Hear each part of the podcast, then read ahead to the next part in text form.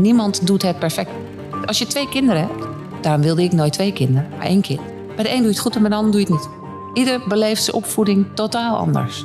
En de verschillen zie je al aan mijn broer en mij. Hè? Opvoeding. Nou, er zitten dan wel wat hubbelhobbels in die opvoeding. Maar toch dezelfde opvoeding. En de een gaat die kant op en de ander gaat die kant op. Waar, kan je helemaal, waar kunnen wij nou helemaal om in een deuk van het lachen liggen? Oma kon natuurlijk echt een strijkorkest van scheten laten. Ja, wij allemaal. Wij kunnen dat allemaal heel goed. Mam, Wij kunnen en iets luid en mijn- luid en luid. Nee, echt. Wij zijn heel...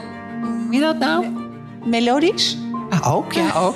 Maar een heel ordinaire ja, schetenhumor eigenlijk. maar dat ook midden in het tuincentrum bijvoorbeeld. Dan zei ze, oh, we hebben de beller. We hebben een beller Ja. altijd. Als er geen scheet gelaten werd, was er een beller. En hoe, en hoe vind jij dat je het doet?